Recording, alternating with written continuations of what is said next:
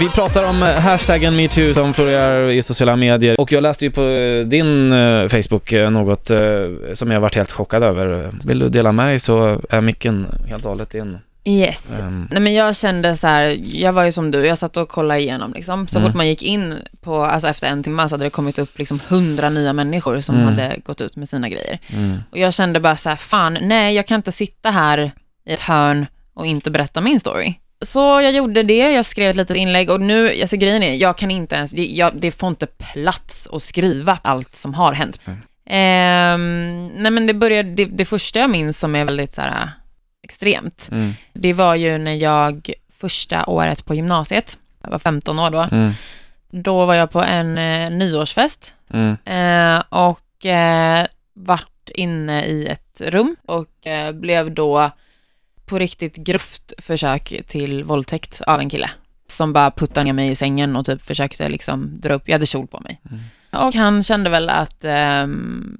eftersom att jag hade kjol så lockade jag då till ofrivilligt sex. Mm. Och det gick ju extremt, alltså det var, jag kan säga att det var typ fem sekunder från att det liksom blev en, en fullbordad våldtäkt. Men eh, som tur var så hade jag folk som klev in i rummet och stoppade det. Och han blev utslängd såklart.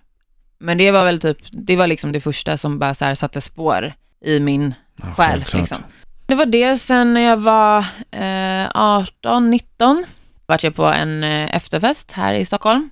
Och då blev jag helt enkelt tvingad till sex med två killar samtidigt. Ehm, mm. Och eh, när jag var 23 bodde jag typ i ett, som ett, så här, ett ungdomslägenhetshus. Det var allmänt ganska mycket i mitt liv just då som var upp och ner. Mm. Och jag bodde alltså i en etta på 16 kvadrat med min son. Som tur var var inte han där vid det här tillfället. Det var också på nyårsafton. Och jag hade glömt att låsa min dörr. Eh, mådde skitdåligt, alltså hela den dagen, eh, Mm. på grund av andra orsaker. Mm. Liksom. Så jag hade i princip suttit hemma på mina 16 kvadrat och druckit upp en flaska vin för mig själv. Mm. Och eh, det tar sig in två män som bara går rakt in. Eh, Som du inte känner? som jag absolut inte känner, men jag hade sett en av dem tidigare i huset. Och de försöker så här, ja men börja med så här, ah, vad gör du här själv, bla bla bla, på nyårsafton, ja men du vet. Och det är bara, jag märkte direkt, bara det här, det här är inte bra.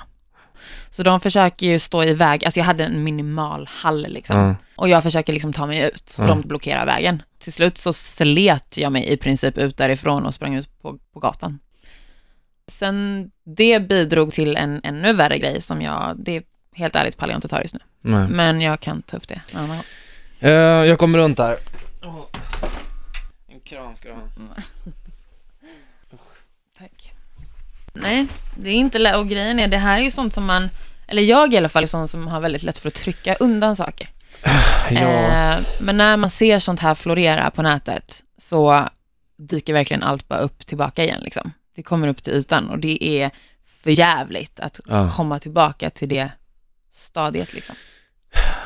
Vi måste ta mer ansvar över, vi måste värna om varandra mer, vad fan. Mm. Eh, och eh, jag tror inte att jag hade kunnat vara samma pigga, glada människa som du är. Nej. Det har varit en lång mig. väg. Om det hade man hänt mig, så. kan jag säga. Mm. Så eh, jag applåderar dig.